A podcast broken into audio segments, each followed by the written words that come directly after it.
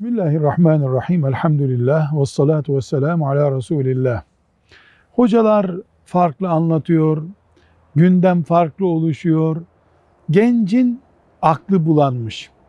Peki ben Müslüman bir insan olmak için en temel dikkat edeceğim şeyler neler olsun? Hocalara göre, gruplara göre, vakıflara göre, bir noktadan sonra devlete göre, diyanete göre böyle bir ölçüm yaparsam yanılıyorum, bunalıyorum, daralıyorum. Genç kardeşe diyoruz ki bak güzel kardeşim bir, İslam dinini olduğu gibi al. Bu çağda alınır alınmaz, ağır genç kadına göre erkeğe göre deme. Olduğu gibi İslam al.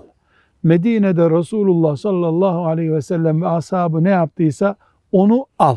Bir. İki.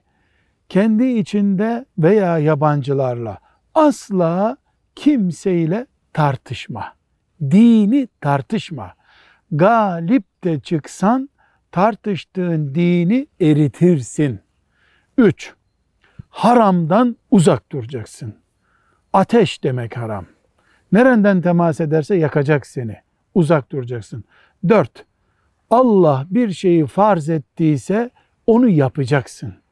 Beş, ahlaksız Müslüman olmaz. Bunu unutmayacaksın. Gerisini boş ver.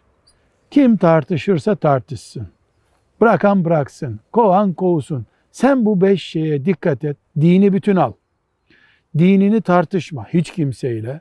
Haramlardan uzak dur farzları yerine getir, ahlaklı Müslüman ol. Sen zamanının en değerli Müslümanısın. Allah'ın izniyle yerinde cennettir. Selamun Aleyküm.